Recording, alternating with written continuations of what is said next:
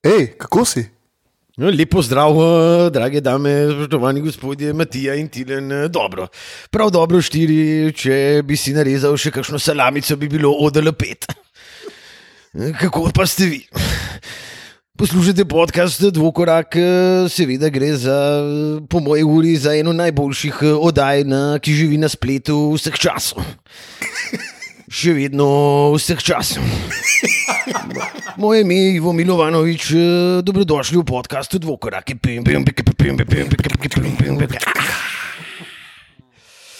Ja, Ivo, no, starost, legenda. Ivo, Ivo ne bilo treba. No. Eh, prav dobro štiri je prav zanimivo, kako vedno poudari, da je prav dobro štiri. Se je rekel, da če bi si salamica narezal, bi bil pet, ampak kaj so mogoče še razlogi, zaradi katerih bi bil Ivo lahko ODL pet? Boljša igra slovenske nogometne izbrane vrste. Kirem.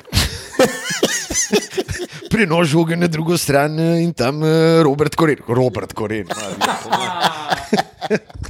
Jezus. Je on- Ne, najbrž je živ, ampak najbrž pa že zelo Odlično obrabi pa Henderson. Uh, in tam iz drugega plana Maguire. Ki tvori obrambni dvojec s Smolingom. Smalik. Oh, Iva, legenda, najlepša hvala za tale uvod. 43. epizoda podcasta Dvokorak je pred nami in je pred vami. Uh, kako veliko se je zgodilo uh, v tem tednu, ko se nismo slišali, ampak se je veliko zgodilo uh, tudi v naših življenjih. Sicer imamo potem nek disclaimerček, ampak najprej fanta, Matija, Tilen, uh, Tilen Mut, Matija Kosmačko, Kosta. Krasno. Res se je tiče, se res to dogaja v življenju. Ja, krasno. Zdaj ne ve, kje je začeti v bistvu. Jaz sem se odločil, da na to vprašanje bom odgovarjal zgolj in samo še z eno besedo. Mislim, jaz pa mislim, da ti kar težko pričakuješ vsakič, ko, ko, ko prideš v najno nederje, da te vprašava, kako si. Zelo. Zelo. Kaj zelo? Um, Matko, kaj pa ti? Ma, jaz sem se Ti si pa na polno brca začel, ne? Jaz sem se danes pobral končno od eh, napornih dni, ki so se začele z, s tem, da je kolega dobil fraca, se je ško, to gre. ne. To je težka stvar. Sploh ne. Naporna, Ja. naporna stvar. Um, Pa bojo ti bil tudi del karavane, ki je obiskala vrh vršiča, vršiča, ne dolgo nazaj. Dare, vršič. Uh, ja, pognali smo hudičo na vrh vršiča. Ej, ga goni pot. Ja, še tretjič sem uspešno, um, recimo, temu prevozil traso. Uh, srečal tudi nekaj naših poslušalcev, shout out Stops. Stops. Stops je prišel tja s svojo punco in uh, smo mi malo po, pokramljali tam le sred klanca. Šit. Šit, stari. Ne, ne, No, ne, ja. props, props, da si ustavil matkota na sredi trase. Uh, ja, to je zelo odlično. Jaz pa Zelo odlično. zelo odlično. To je več kot odlično. Luka, ja, ja. Uh, to je 5. Plus. Jaz bom pa v bistvu uh, ne bom počakal, da me vprašate, kako sem. Zato, ker v imam, bistvu, v bistvu smo te že. ker imam en disclaimerček. In sicer uh, težki časi. Žalosten dan, namreč to je zadnji podcast, ki ga snemamo na Koroški ulici v Ljubljani. Koroška ulica ne bo več baza, ne bo več headquarter, ne bo več svet igral, ne bo več zatočišče, ne bo več Brlog. dom podcasta Dvokorak, ki ga bomo zdaj iskali na Bratovševi ploščadi, na, jo, na Neuerberger Steinovi ali na. Manuel Neuer, Ja, ampak ga bomo uh, iskali druge. In prosim, oprostite nam, poiskali ga bomo in tudi vi se boste tam počutili kot doma. Koroški ulici pa se iskreno zahvaljujemo za vso toploto, Gostoljubje. gostoljubje. No, ja, toploto bi se dalo.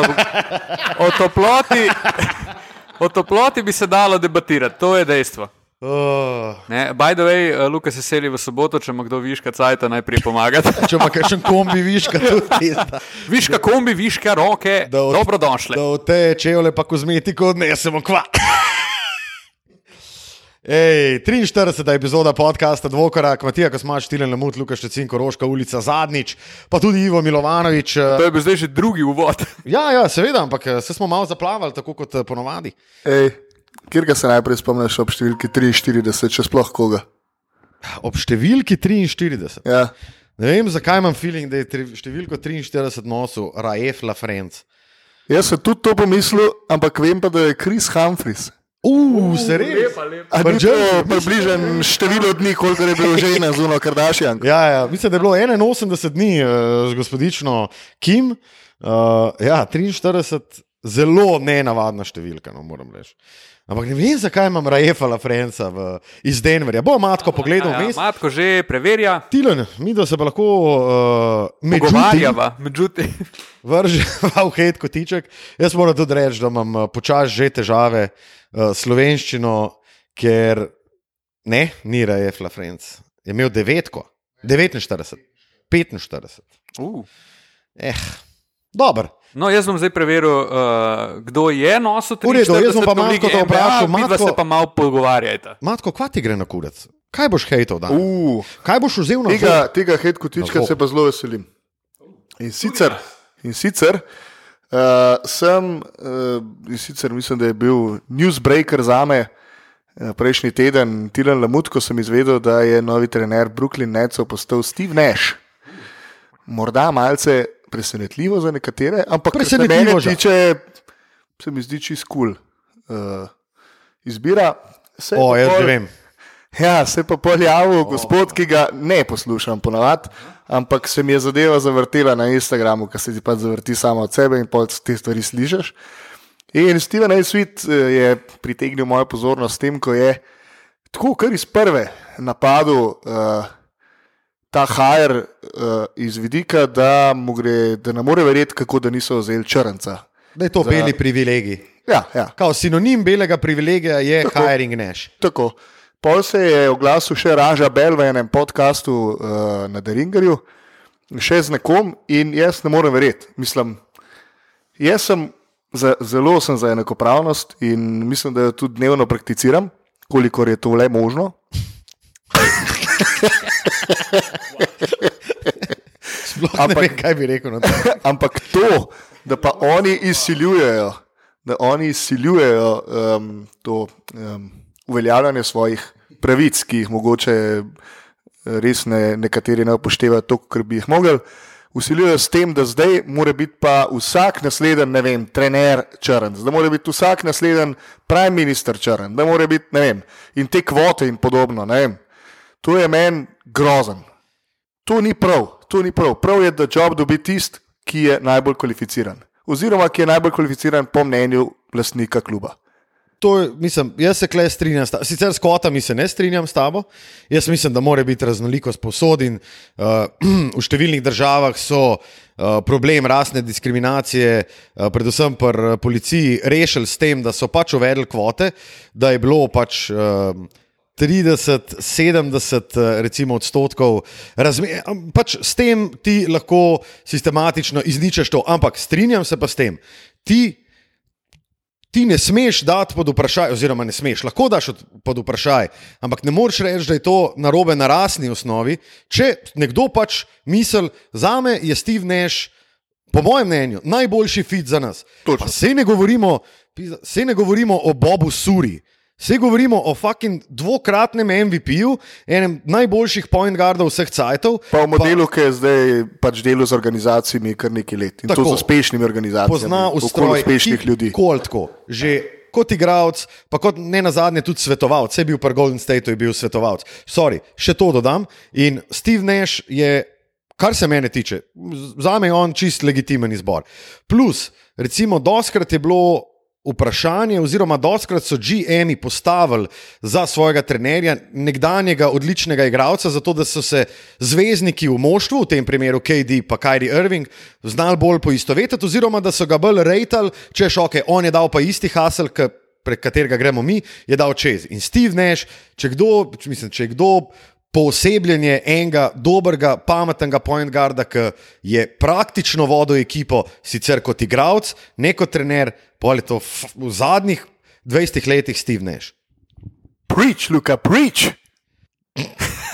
That little light of mine, I'm gonna let it shine.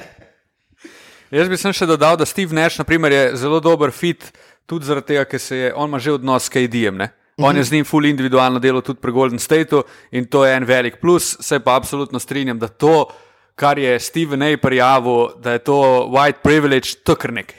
To, to je navadna buča, pa izkoriščanje tega, da pol folk klika, pa da se žigalice vžigajo na to, ker pač živimo v tem cajtu. Eno zanimivo vprašanje, lahko ga odgovorite, lahko je pa to vprašanje za naše poslušalce. Koliko odstotkov prebivalcev Združenih držav Amerike je uh, African American? Le, ne rabta, 25 posto. manj.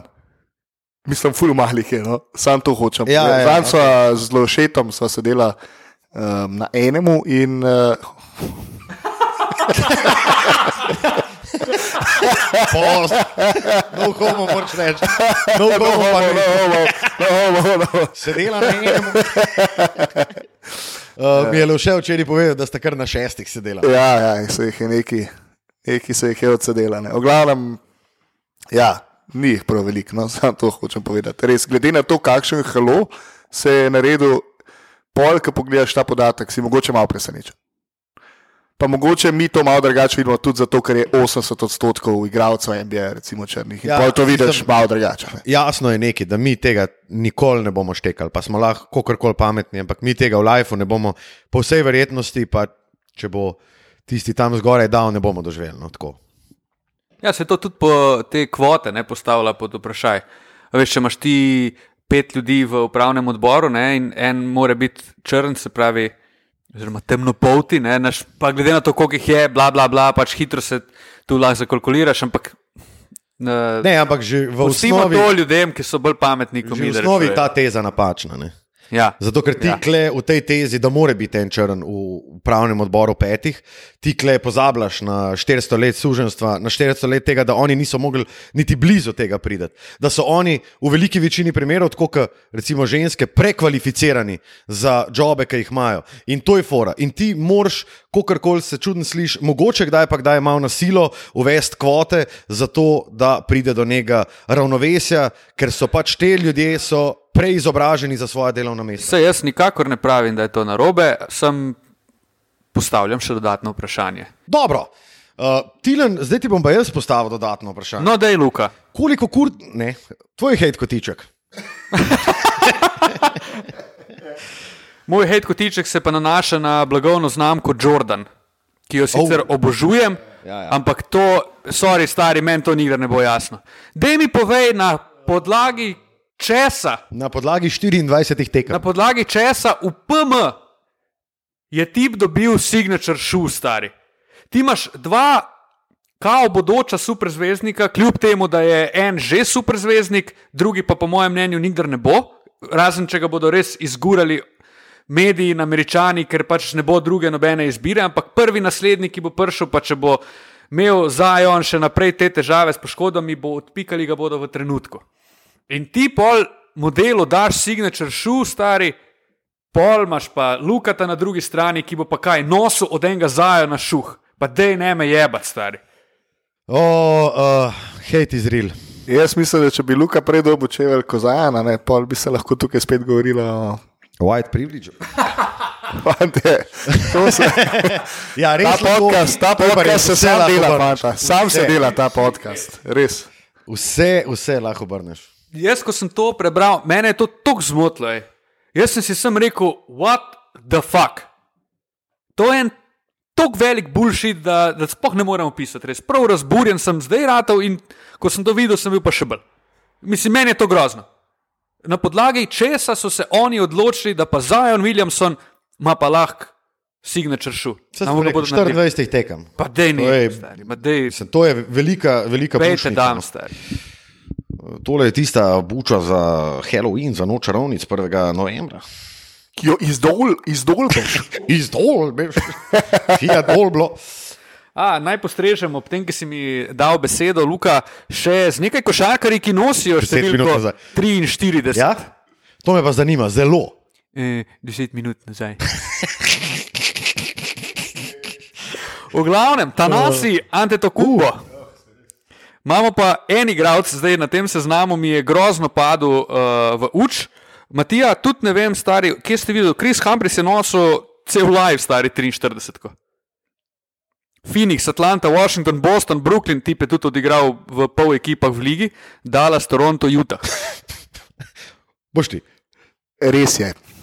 Pa sem pa jaz rekel.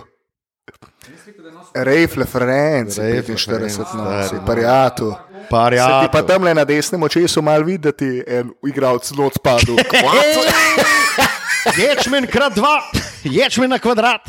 Ja, tilc, to pa moramo reči. Ta izgleda. A, zdaj pa še diagnoza Ja, ja, strani dr. Štucina. Ja, tule, tule se vidi, da morda uh, higiena leč, ki jih nosi, tile ni ravno najboljša, da morda je treba tisto raztopino, v katero namaka, že počasi zamenjati. Namreč uh, ječmeni na desnem očesu se pojavljajo iz tedna v teden in tilen Deluka. pazi na se. Imam še, imam še enega igralca, ki si bo Luka zameril, da ga ni rekel. Pa to ni zdaj takega omenil. Namreč Kendrick Perkins je pri Bostonu nosil 43. -ko. Sem, Zdaj pa, če, ja, tega, to ni zamenjam. ta Luka, A, ki okay, bi okay. lahko enkrat da pa hočeš že nekaj poslati, stari. Pascal Sijaka. Au, Spice Happy. Spicy P bo danes, despise, way, uh, Oh, wow. zaključil sezono.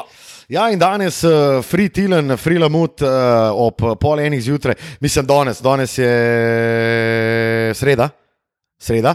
Snemamo v sredo in uh, danes po noči se bo, uh, po mojem mnenju, se ne bo no, zaključila serija Toronta in Bostona. Je pa jasno, da, da, da sem tukaj malo pristranski. Matija, imaš še kaj za dodati, preden jaz uh, stopim v Ne, sovražne vode? Tako, le osovraži. Ni tam eh, teritorijalne vode Somalije.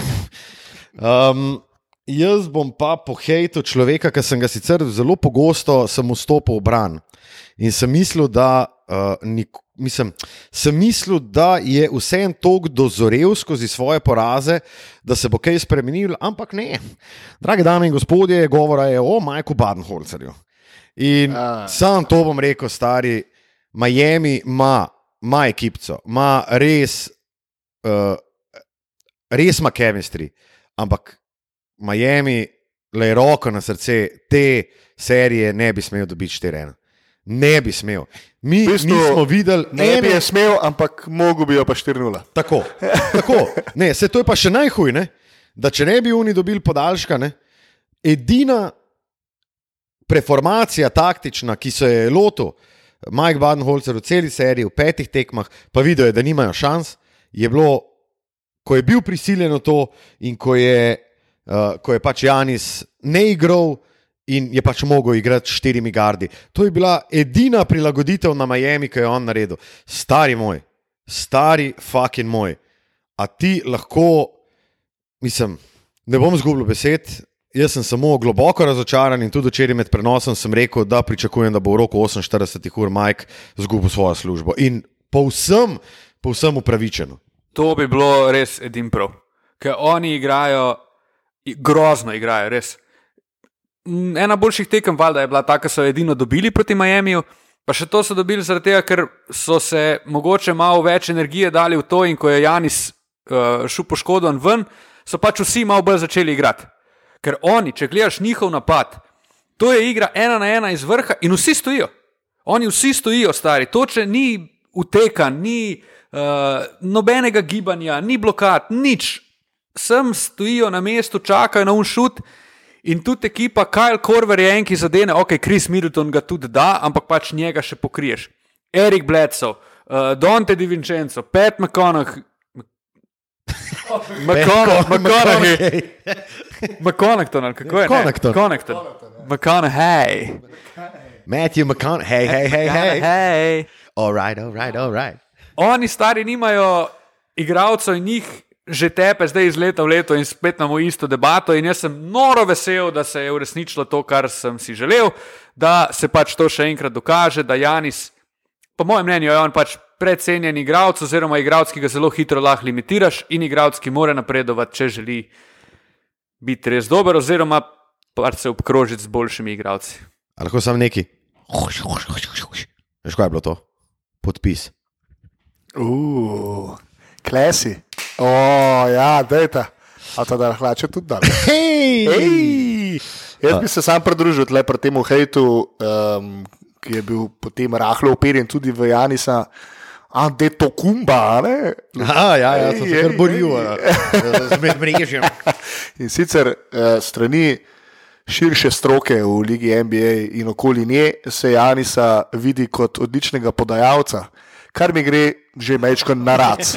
Zato, ker to, da se ti zaletiš na to raketo in si sposoben 70 odstotkov vseh svojih asistentov v celi sezoni dobiti na podlagi tega, da je pač un, ki je tam stal, ujel žogo in zadev šut. To ni kvaliteta dobrega, oziroma odličnega, temveč kompetentnega podajalca in čist nič več kot to. Wow. Uh, ja. Jaz pa bi dodal, da se mi pa zdi, da je napredoval v tem segmentu. Ker je neparkrat je on tudi v tej seriji poskrbel za nek pas v protinapadu, v prehitri hitrosti, ki je našel nekoga, ki je bil odprt, kar v preteklih sezonah ne bi rekel, da je bil on sposoben narediti. Mogoče samo še na svet. Hitrost nikoli ne more biti hitra, lahko pa je visoka ali velika. Ne za to. Hvala, Matija. Wow. Mogoče samo še na svet. Če izpiješ na pir do konca, Bom, bom. Mogoče samo na svet. mogoče samo še na svet. Odvijo pa vse prijateljsko. Ja. Zelo eh, v dobrem smislu mišljeno. Oh, uh, Tilc, jaz moram še nekaj povedati, da, da te pohvalim. Včeraj sem tudi med prenosom rekel, da je Tilen Lamud že na podkastu na začetku sezone rekel, da vidi Miami v finalu. In rewind it back, če ne verjamete. Ja, ja. Vse bi bil, vse bi bil ful pameten, ne, da sem res dober v napovedovanju, ne, ampak dejstvo je, da sem s svojimi belokrajinskimi kolegi igral uh, eno igro, kjer smo napovedali rezultate prvega kroga in uh, moja tabela je bila povsem, povsem rdeča, kajti niti enega para nisem pravilno napovedal. Oh, ja, ja, to sem pa videl. Ja. Mislim, res je, da Ja. sem uh, to, si, to bom kar izpostavil zdaj. Ne? Čisto vsi so šli naprej, te, ki sem jih jaz napovedal, ampak nisem pa nobenega rezultata serije zadev. Ne? To je res, kar, Zdaj smo eh, vsi, mislim, da rekli šte, ne, jaz sta rekla 4-3 Miami, a ne? Da gre čez, jaz sem Jaz edini bil rekel 4-2 4-3, Miami, ja. ne? Eh, V prejšnjem podkastu. Pa š, ja, Jaz bi sem še, a se bomo še Miami kaj dotikali, pol Luka. tako kot drug drugega. Ej. Um, Sam še nekaj bi vaju vprašal, bi vaju v bistvu. Uh, Takole, torej. poglej, Matija, kako leži na tem kavču. Ja. Kako povabljiva poza. Samo prijateljski nasvet, uh, Luka, ne preveč povabljivo. Uh, Janis, sezona, piše se sezona 2021-2022. Frontrunnerja, da lendata Janisa, sta le dva, Miami ali Dallas. Kje bi vidva raj videla, da unič uh, kemijo v Dallasu ali v Miami? Jaz mislim, da kamorkoli bo Janis Antetokumbo naredil premik, se bo mogel tudi sprijazniti z enimi zadevami. A se strinjata s tem, da je Janis pipen in da rab svojega Jordana? To je kar nekaj, stari, shut the fuck up, dokoli to govori. Jaz se sam s tem strinjam, da Janis ne bo šel nikamor. A, jaz pa mislim, da je všel. A, jaz pa mislim, da je všel. Jaz sem pa kar. Mislim, a zdaj se pogovarjamo o tem off-seasonu. Ne, ne, ne, rekel A, sem, piše se leto 2021. 2021, A, okej, 2022. sem preslišal, Uh, prosti, je pa res tudi to. Sem, Uh, Matija, prijateljski nasvet, poslušaj. gledal sem tvoje nederi in fantastične stegna. Ej, uh, ne, sej, jaz verjamem, da če uh, zdaj le Mike Li- Lightbud gre, ne, da pa če pride en res kompetenten trener, ki mi zdaj le sicer ne pride na pamet. Billy Donovan, by the way, je bil uh, odpuščen oziroma razrešen svojih dolžnosti v Okay, Oklahomi. meni bili ni. Kenny Atkins. O, Zanimivo. sam Za Milwaukee, jaz mislim, da ne. Mislim, pa tudi mislim, da uh, Janis rab neki v smislu tako. Še en. Fak, pozabil sem, komu je. Uh, morda Brad Brown, morda Ty Lue, morda Jason Kidd. Uh, tako naprej, tako naprej. Ej, sem še en. Fak, pozabil sem, kako mu je ime. Pa res se ti ga je naprčil, klele. Jaz imam še enega, še eno tezo, vprašanje, kakorkoli že. Ne? Zdaj, Ja, se mi nista odgovorila na vprašanje, prvo kot prvo. kako je bilo že vprašanje? Ja, piše se leto, oziroma off-season Meni 2021. nobena, Ja. ja, nič ni všeč. Janis je prost igralec, kam gre Miami ali Dallas, oziroma kjer bi ga rada rajš videla. Jaz mislim, da je boljši fit v Miamiju. Ja, najbrž res. Ampak to je zdaj gledano, ja, je boljši feed v, feed v Miami, ampak do takrat bo še Miami imel tudi, kar se svojega personela, kar nekaj sprememb najverjetneje mogel narediti, povečati plačo marsikjeremu igralcu, pa pole vprašanje. Imajo sicer placa za enega max igralca, sem nisem prepričan, če bo Janis tak. Kar sem prej hotel reči, jaz mislim, da kamorkoli bo šel, če bo šel iz Milwaukeeja, bo on se mogel sprijazniti, oziroma nekomu, nekdo mu bo mogel objasniti, da pač njegova igra v veliki meri ne pije vode. In on, jaz ne bom rekel, da on rabi svojega Jordana, pa da je on pipen, ampak ali se bo mogel prilagoditi, ali bo pa mogel najti neko sinergijo z igralcem, ki je drugačen tip kot on in bo mogel poiskati svoje spote na igrišču, ne pa forsirati sem svoje igre. Je pa res, Kar hočeš bo- povedati, Tilen, je, da je Janis Antetokounmpo glorified Josh Smith. Ne, What? Oh, wow, stari. Ne, To sej, hočem Janis, povedati, je, stari. Janis je hud, vse je ok, ampak Videli se ti v dejstvo očeh. je, dejstvo v je da, mnenju. da pa. Wow. Eh, Luka, prijateljski na svet, da ne bo še tvoje desno oko črno. Uh, v bistvu imam zdaj še jaz eno vprašanje, pa sem navezal iz tega, kar sem povedal. A se vidi, spomnite še kakšne ekipe, ki bi bila tako dominantna v rednem delu sezone, pa zgledala tako dobro? Dallas. Pozi Kva? Dallas proti Golden Stateu, takrat, ko so izgubili v prvem krogu. Danes je Ringer objavil v bistvu, ne, mislim, da 50 največjih upsetov v playoffu in Dallas je bil gladko na prvem. Ja, ja, ja. Baron Tole je, tole je po mnenju, po mnenju Ringerja, pa po njihovih, njihovih metrikah, je to šesti ali osmi najhujši poraz v playoffu. Bom zdaj najdel, kje so ostali, pa vam jih naštel. Sam so kar stari, meni se zdi, da ostali že. No. Ampak oni so, na primer, Dallas je takrat izgubil v prvem krogu že, ne? Pa Dirk je bil MVP. Pa Drk je bil MVP. Pa pred koncem prvega kroga so mu dali, ker so videli, da bo ja, puh. ja. Mislim, fora je tudi v tem, a, ker Milwaukee je zgledal res bogo. Pač oni niso zgledali sploh podobni v drugem krogu, pa šli so vseeno prvi krok naprej. Itak, Orlando. ja, ampak vseeno, ja, ja. takrat je bil Golden State tudi kaj, osmi, ne? pa je pol zbil prvega. Najbrž dosti podobna scena, ali pa ajde, malo mal huj. No, mislim, če imaš ti Berona Davisa, Ella Harringtona, Stevena Jacksona, je malo drugače, kot da imaš DJ Augustina, Evana Furnija, pa poškodovanega Erona Gordona. Definitivno, ampak Ampak pa tudi un Golden State je dobil nek traction, a veš, Ja, ja, oni ja, so dobo, oni so bili The We Believe Golden State. a ne. Pač tisto, je bilo, tisto je bilo ekipa, ki se je bilo zabat, ampak ok, komi ste se guznili noter v playoff Ja. stari in zdaj ste razbili. Takrat res dominantno ekipo Dallas, Ja. ja. če se spomnite, una leta je bil Dallas konsistenten na vrhu, skozi. Ampak doskrat je v bistvu popušil, mm. ne samo v prvem krogu, tudi malo kasneje. Pa takrat je bil tudi playoff seeding drugačen. Ja, ja. Pa drugače so tekme igrali, 2-3-2 Ja, so igrali. ja. Pa SB Nation je naredil prav eh, cel prispevek o tem, kao The Fall, ne, kva je The Fall, The Worst Playoff Performance, Dirk Novitski, pač točno ta serija. ja, pa tudi The Fall of Dallas je, mislim, da mm, nek Tudi ja, je noter. Prispevek Ja. bil je ne 9 minutni, kakorkoli že. Za meni je to res neverjetno, kako bogo zgleda Milwaukee. Mm. Oni, kot da bi v Uni Space Jama prišli pa posrkali moči iz teh igralcev, stari. Oni izgledajo vsi res bogo. Ti si ne moreš predstavljati v tej seriji proti Miamiju. Kako je možno, da je ta ekipa bila res dominantna v rednem delu? Pač niti blizu ni bil nihče, da bi, bil, da bi vzel mm. najboljši skor v ligi. To je grozovito. Tako da, Mike, hvala, ampak adijo. Ja, eh, se pa strinjam, kar se tiče Janisa, no? da se bo mogel ali prilagoditi ali pa adaptor dajne. Um, in sicer v slogu tudi Lebron je bil MVP, pa v playoffu je težko igral ravno zaradi tega, ker je imel težave. Ja, ok, ni bilo na tej skali kot Janis.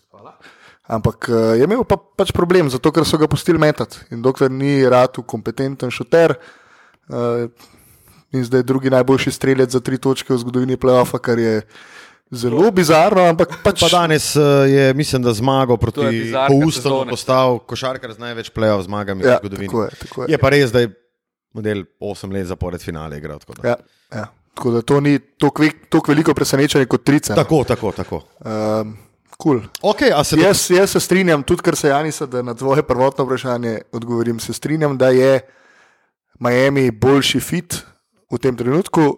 Realno ne vem, če ga vidim v kateri koli izmed teh dveh franšiz, ker mislim, da imajo dovolj uh, dobro vodstvo, da se ne bodo mogoče pustili samo superstar statusu Janisa, ampak da ga bodo res uh, evalvirali na podlagi tega, kar že imajo v ekipi. Je pa res, pri Miami so marsikaj spremenili, predalo se pa ne bo.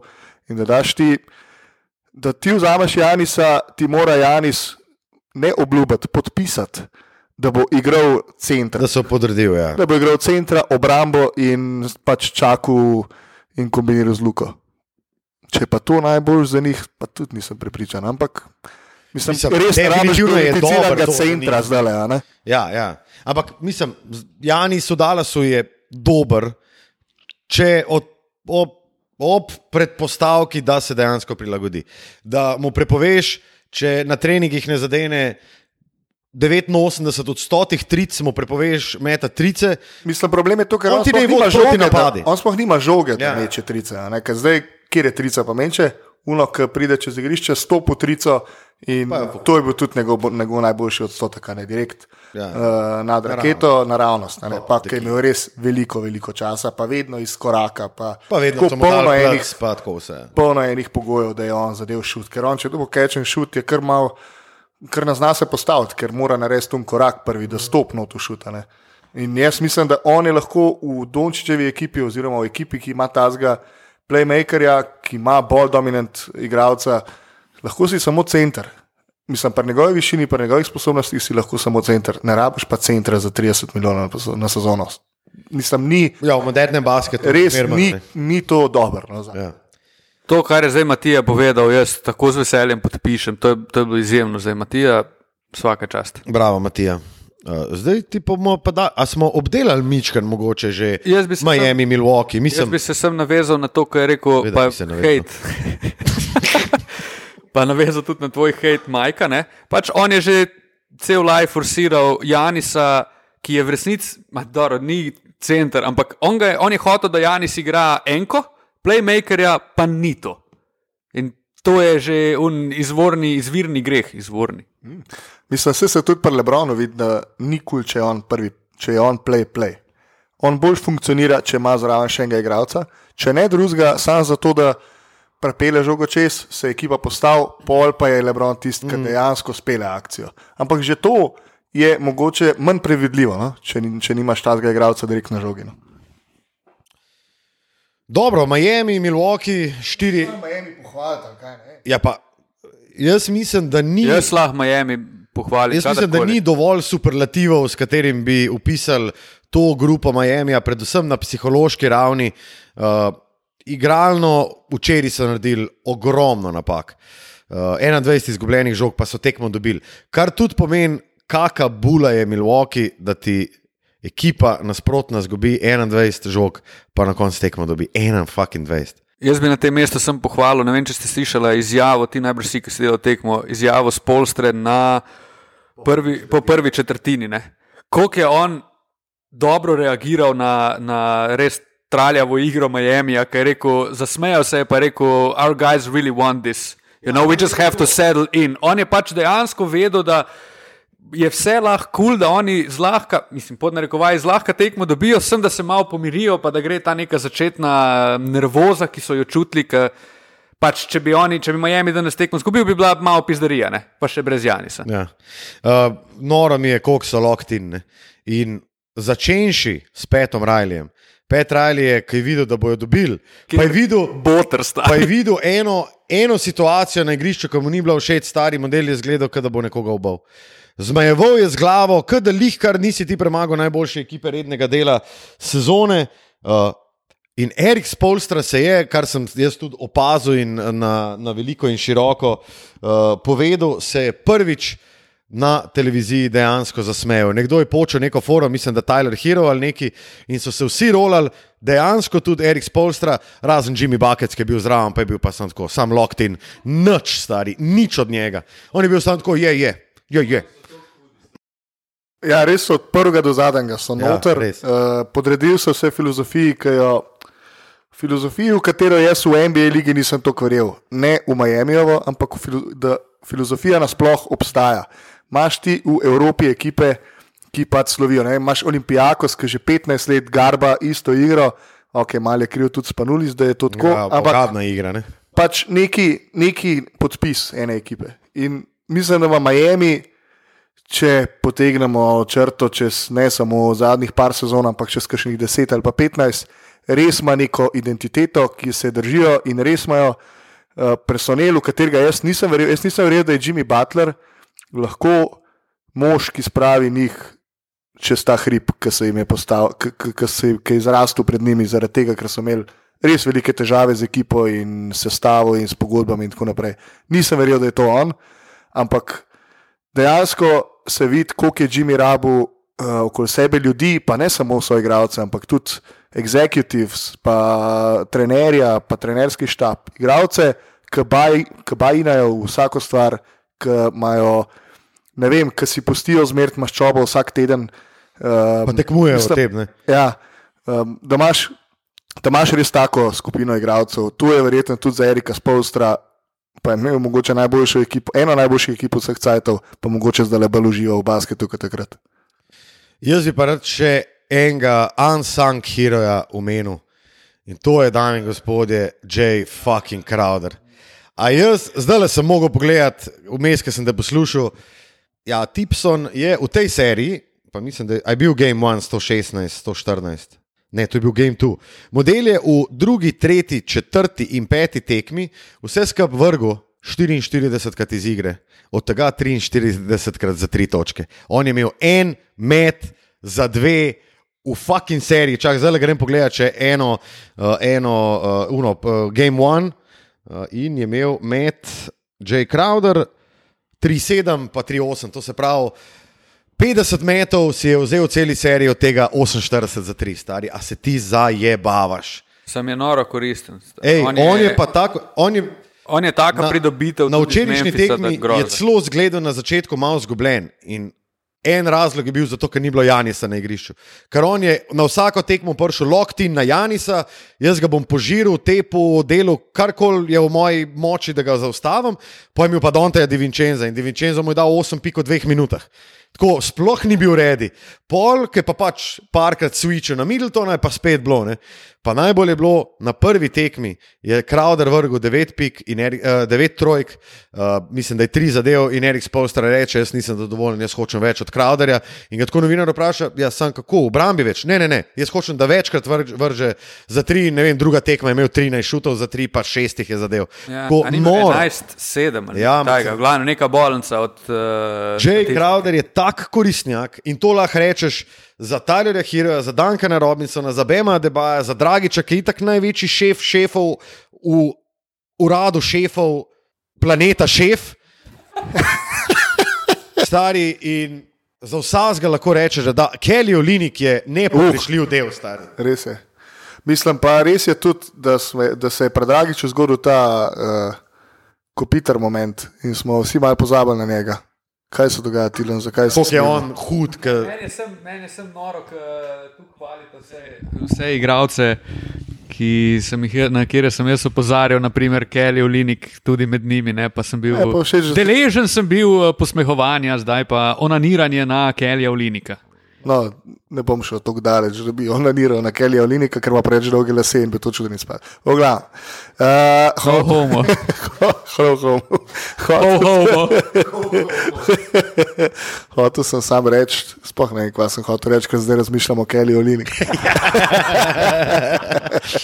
uh, ja, mislim, Dragiča res premalo, premalkrat se ga pohvali. Dečko igra nor basket um, in lepo ga je gledati. Um, mogoče bo šel še korak dlje in da ga je v tem playoffu lepš gledati, ker Luko Dončiča bilo z izjemo dveh tekem, pravzaprav cel playoff.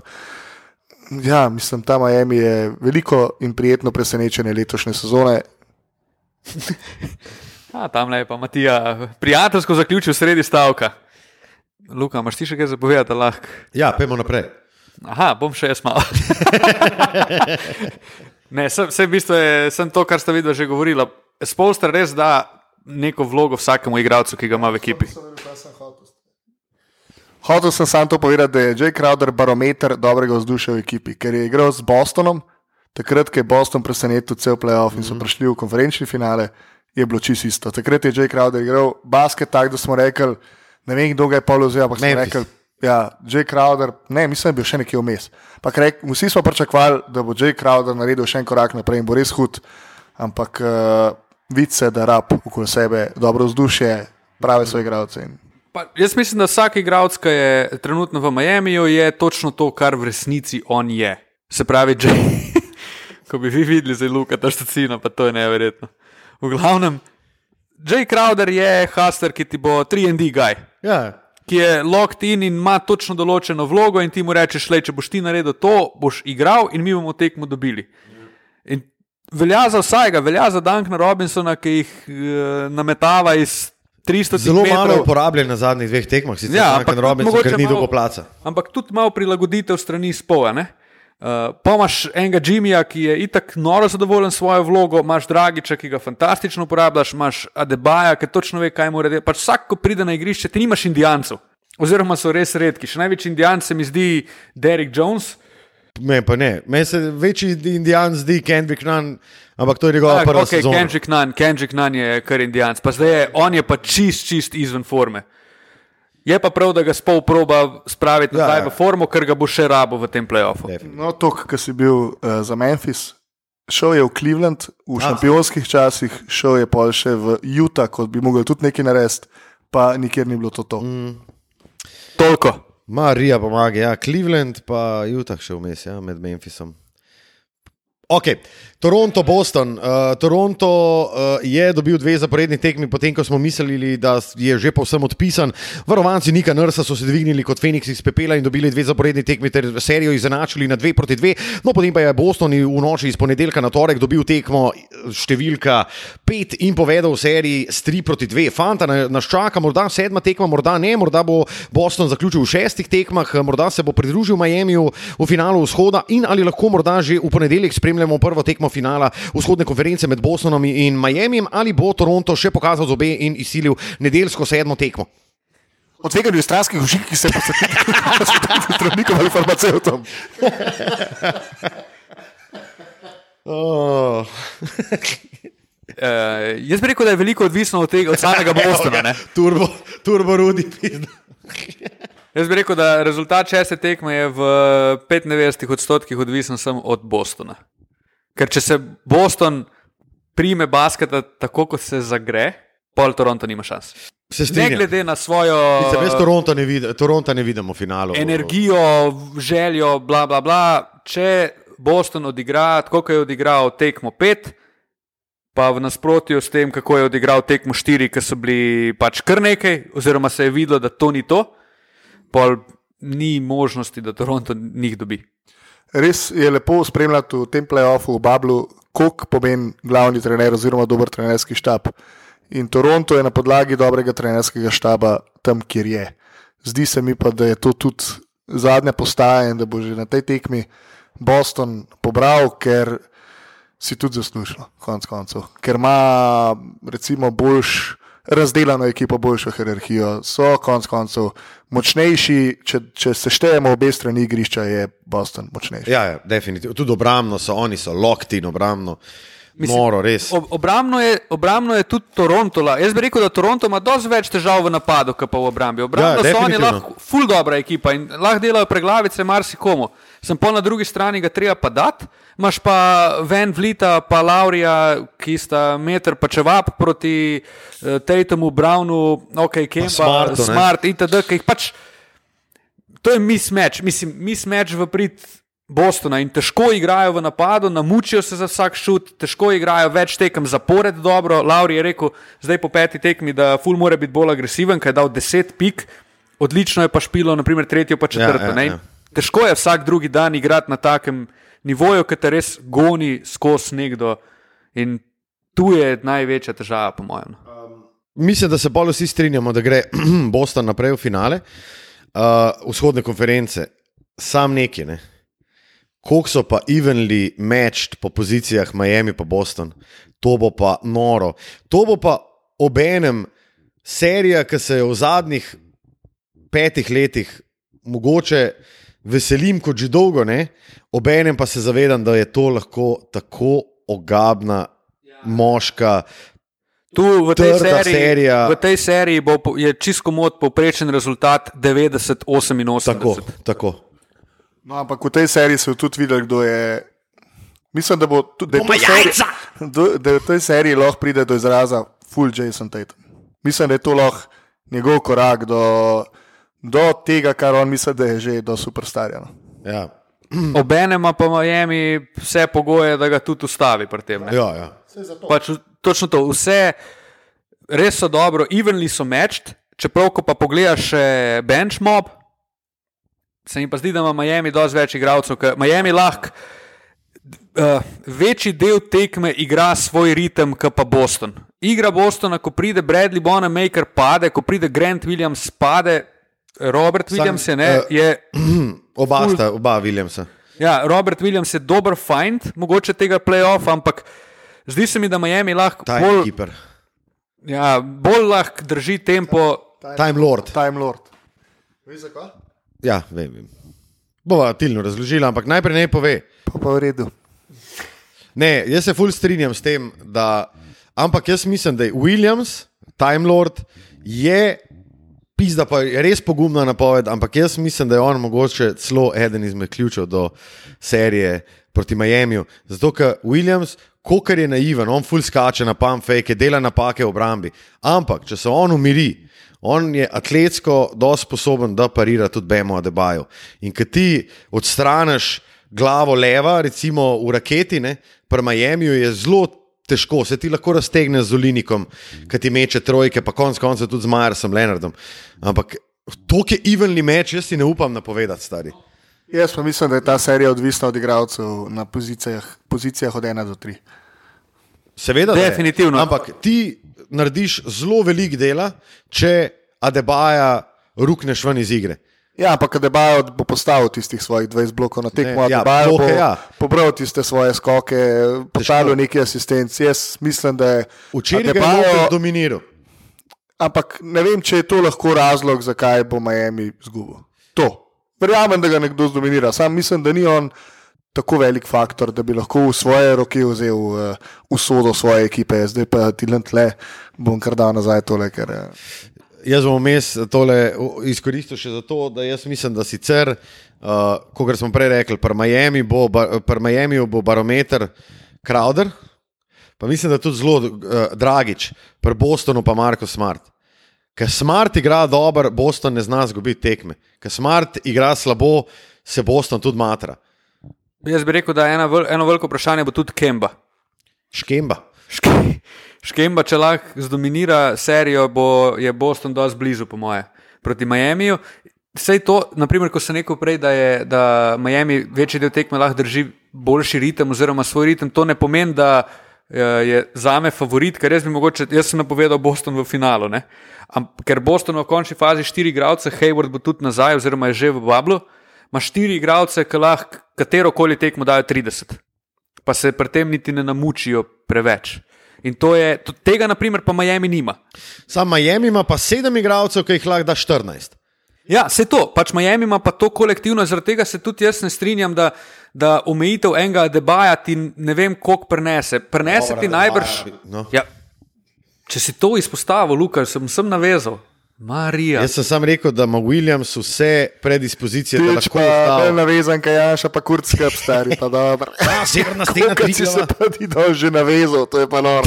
Jaz bi se samo navezal tule. Ker si To vam je omenil. Meni je on, meni je on en najboljših secondary playmakerjev v ligi. To je in, To.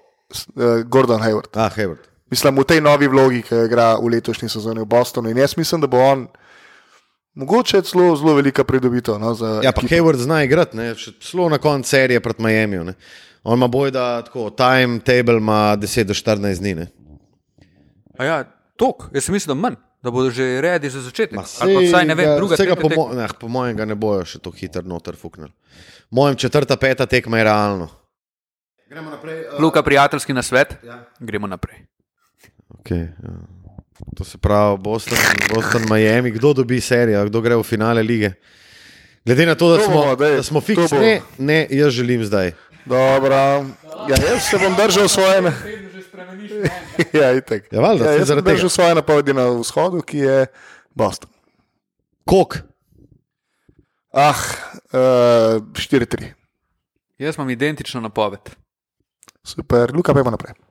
Prijateljski nasvet, a ja, še ti moraš povedati, no, da je povedal. Ja, mislim, jaz sem itak tako nerelevanten, saj sem Milwaukee napovedal v finalu lige. eh, Potem sem to spremenil v Toronto, zdaj tudi Toronto slabo kaže. tako da, Enač, gremo all in Miami 4-2. To, to. Vse, kar se zgodi, bo v redu. Ja. Tako. Zdaj pa, a ste si mislili, da bo vzhod bolj zanimiv kot zahod? Jaz ne. Niti A, v lifeu. Je pa tako, tako da ta zahod bomo pa zelo na hitro, se zdaj malo sprehodili, kaj se dogaja. Zdaj, James dobro igra, 17. sezona, Harden jih eh, meče, Westbrook da koš samo še v table, PJ Tucker je velik šef v obrambi, ampak je enostavno zasenčen strani Westbrooka in Hardna in jaz mislim, da bodo Lakersi to serijo dobili 4-2, eno tekmo bojo še zgubili in to je to. Kaj pa Clippersi? Ja, mislim, jaz dejansko nimam kaj dosti več povedati, kot to, kar si ti zdaj, ker je OGB. Stvar je OGB. Res je, ne. Jaz sem včeraj gledal, pa sem bil najbolj pod adrenalinom še v tekme Miami, pa sem bil tako še zraven te. Sem bil tako, fuck, jaz ne morem zaspati.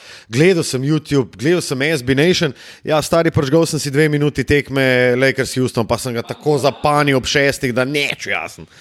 Ja, uh, zelo je, zahod je res brezvezen. In tudi serija Clippers Denver, pač mene ta serija tok ne briga, stari. Meni je tok vseeno za te tekme. Jaz si ne bi budilke nastavil v lifeu, da bi to tekmo gledal. Pa ne vem zakaj. Dobro, da delaš, tekmo številka pet, v seriji. A, torej si bom vendar nastavil budilko. Ja, definitivno. Hvala, Lukaš, Tocin. Ne, uh, meni je res uh, dosti dolgčasno. Še, okay, malo bolj To zanimivo lifeu, mi je uh, Lakers Houston, Ja. bom kar ignoriral tole tvoje med vprašanje. Ampak nimam kaj dosti dodati tvojemu povzetku. Pizda, ja. Ej, pa jaz mislim, Kaj pa Rondo stari? Rondo? Bila tekma Ray Žana. Ray Jean. Ej, Ja, playoff rondo izrilja. Jaz mislim, pa ne mislim, jaz sem prepričan, da bo serija Boston pa Miami fucking bolj zanimiva kot Clippers Lakers. Sam ta zahod je bil, pa smo mogoče vmes pomislili, da, da pa le ni vse to samo lubrikant za finale konference obeh Los Angeleskih ekip. Ampak kaj je bil? Je bil čisti fucking lubrikant, ki je bil na trenutke sicer zelo zanimiv, zaradi eh, Luke, Donovana in Džamala, ampak fuck, te ekipe so vse razred slabše. Mm. Zdaj me samo zanima, ali je vzhod tudi razred slabši. Ali bomo spremljali beden finale samo zato, ker je ena izmed ekip iz Los Angelesa mogoče res, mogoče res korak boljša, hitrejša, močnejša.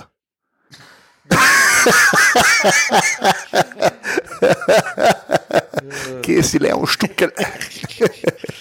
Um, zelo dobro vprašanje, na katerega moram reči, da nimam odgovora, dokler nam videl prve tekme finala.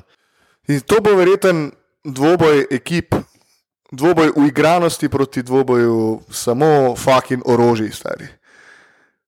ZDA proti kdo je fulo igran. ZDA proti. Uh, Pa ne v košarkarskem smislu, saj so tako kot država, mogoče da so igrani. Kršno, stari, kdo je pa res uigran? Nihče. Tibet, Tibet. Stari, ne, tam se menihi zažigajo. Ne, ne. Info iz Tibeta. Tibet. No, ja, veste, Ne, mislim, mislim. uh, kitajska represija uh, vlada v Tibetu. Ne, se, se, hecam. ne V sem res vlada v Tibetu, free Tibet. Ej, um, Ja, neč, kaj še klibrsi, ali kaj. Neč, tam pa ista pesem. da je povedano. Ne, ni vas. Strn v 15 sekund. Ne, ni. Ali pa tilč, dale, ti, na, dobro, ti boš Ne. ne. Ti, Ajde, 30 ti damo. Se je na nudu. Ajde, na nuce. Opiši. Enač, Paul George igra dosti bolj kot v prvem krogu, Kawhi Leonard po drugi strani igra dosti slabše, ampak to je, če izenačimo vse skupaj zaradi splošne, boljše ekipe Clippersov, glih dosti, da vodijo 2 proti 1 proti Denveru, pri katerem pa Nikola Jokič igra odlično košarko, Jamal Murray je nekoliko potihnil uh, z nekaj vmesnimi. Izpadi uh, dobrega počutja in dobre igre, predvsem pa me navdušuje Michael Porter Jr., ki kaže obrise tega, da bi lahko bil tretji res tretji konkreten del Denverja v prihodnosti. Ampak to ne bo dovolj za Denver v tej seriji. tako da Nikakor, Denver bo izpadel, eh, jaz bi rekel 4-2, podobna scena, podoben scenarij kot tudi v seriji Houston Lakers. Podpis. Sam njemu se podpisuješ, že, že mene. Vse sem se prvič ne podpisal. V glavu. Uh, tale Porter Junior je zelo zanimiv projekt, kar rab precej dela. Res, res veliko dela rab. Ker toliko fizioterapije. dobrih stvari, ki jih naredi, tudi toliko slabih stvari naredi. In mogoče slišal sem nekje, da je to mogoče igralec, ki se mu lahko zgodi taka grozna karijera. Da, oziroma, ne, en je dobro napisal. To je najslabši igralec za trenerja, ki ga lahko imaš v tem trenutku. Oziroma, trener, uh, igralec, ki lahko trenerja odpusti. Če ga preveč igraš, ti bo naredil toliko napak, da ti bo zgubil tekmo, ampak dal v njih 20 pik. Če ga igraš premalo, ti bojo pa vsi rekli, je izgubil si tekmo in tle imaš igralca, ki ti lahko odlamlja 20 pik na tekmo. In to se mi je zdela tako fantastična, tako fantastičen opis eh, Porterja, da sem. Da se z njim popolnoma strinjam in bi samo rekel, Pa je sam sebi na nudo en podpisek. Mislim, da imamo naslov. Veš kaj, Porter, Porter bi mogel iti v en tak klub, ki ni definiran trenutno, ne? ki se za nič ne bori in tam bi lahko malo se igral, pa vidiš, Ja, ja, kaj lahko dejansko doseže. ne, on, on bi mogel, naprimer, v Cleveland iti. Cleveland rabi zdaj Michaela Porterja mlajšega. Ma Cleveland, la, raba, veš kva? Sveto pismo. In rab pomoč in vodenje Boga, JC-ja, JC-ja od poslanika na zemlji, stari. Mogoče pa je Michael Porter Jr. njihov JC. Metuzalem, stari, sam to ti bom rekel. glede na to, da vidim, da smo s tem tekmami zaključili, bi še nekaj izpostavil pred zaključkom. In sicer je NBA uh, objavil All Defensive Team. Oh, v katerem ni ne straneh. Drewa Holidaya, ne PJ-ja PJ Takarja. Ne? Tako je. Um, pa povejte, če imate težavo v prvi ali drugi ekipi. V prvi Janis, Davis, Simons, Gober, Smart, to se meni zdi Okay. čist ležit izbira. Um, potem pa v drugi ekipi, oh, stari, zdaj sem to malo zgubil, stari. Brook Lopez. Brook Lopez, Ne. on je dobil največ glasov. To je meni, meni je to kar nekaj. Meni okay. Je to največja buča v Ne. tej drugi ekipi, kot je Leonard. Okay? Ja. On je, ok, pol pa še to. Imamo, imamo najboljše defenzivce v tej sezoni in tle mislim, da so trofali s prvo ekipo. Ampak mislim, da se tudi vsi strinjamo, da je Kowal Leonard lahko čisto vsako sezono v prvi all defense, ampak se tudi strinjamo, da v tej, Vse gut. to mi je všeč, to mi je super. Eh, uh, Matija, podpis. Uh, Bema Debajo, ležit. Erik Bledsoe, stari. Mislim, prej da? Drewa Holidaya. Zakaj? To je kar nekaj.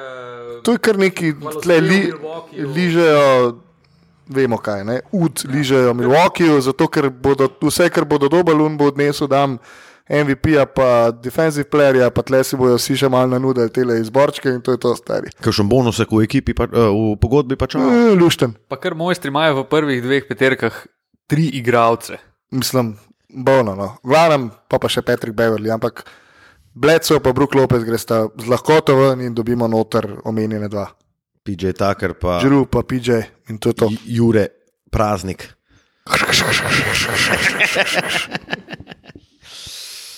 Ja, mislim, da smo, Jure praznik. mislim, da smo za Odlično. dvokorakali do konca. Da je rekel, da smo prijadrali, kad le vlečem v A ja. Popravlja, ja, brat. Oh. Ja, prijadrali smo kot uh, Vasiliš Bogar v najboljših časih, kot uh, oh, Ja, prijadrali smo. Natalija Špela Pomonorenko. Ne, ne, ne. Smo prišli do konca uh, 43. jubilejne epizode podcasta Dvokorak. Hvala, Koroška ulica, še enkrat. Hvala, Fanta, Matija Kosmač, Tilen Lomut, Lukaš Ocin smo bili z vami. Hvala, Koroška ulica, za vso gostoljubje, prijaznost, perčke, uh, prijazne besede, uh, prijazno, prijazno še enkrat vzdušje, svetlobo, toplote pa ne. Koroška ulica.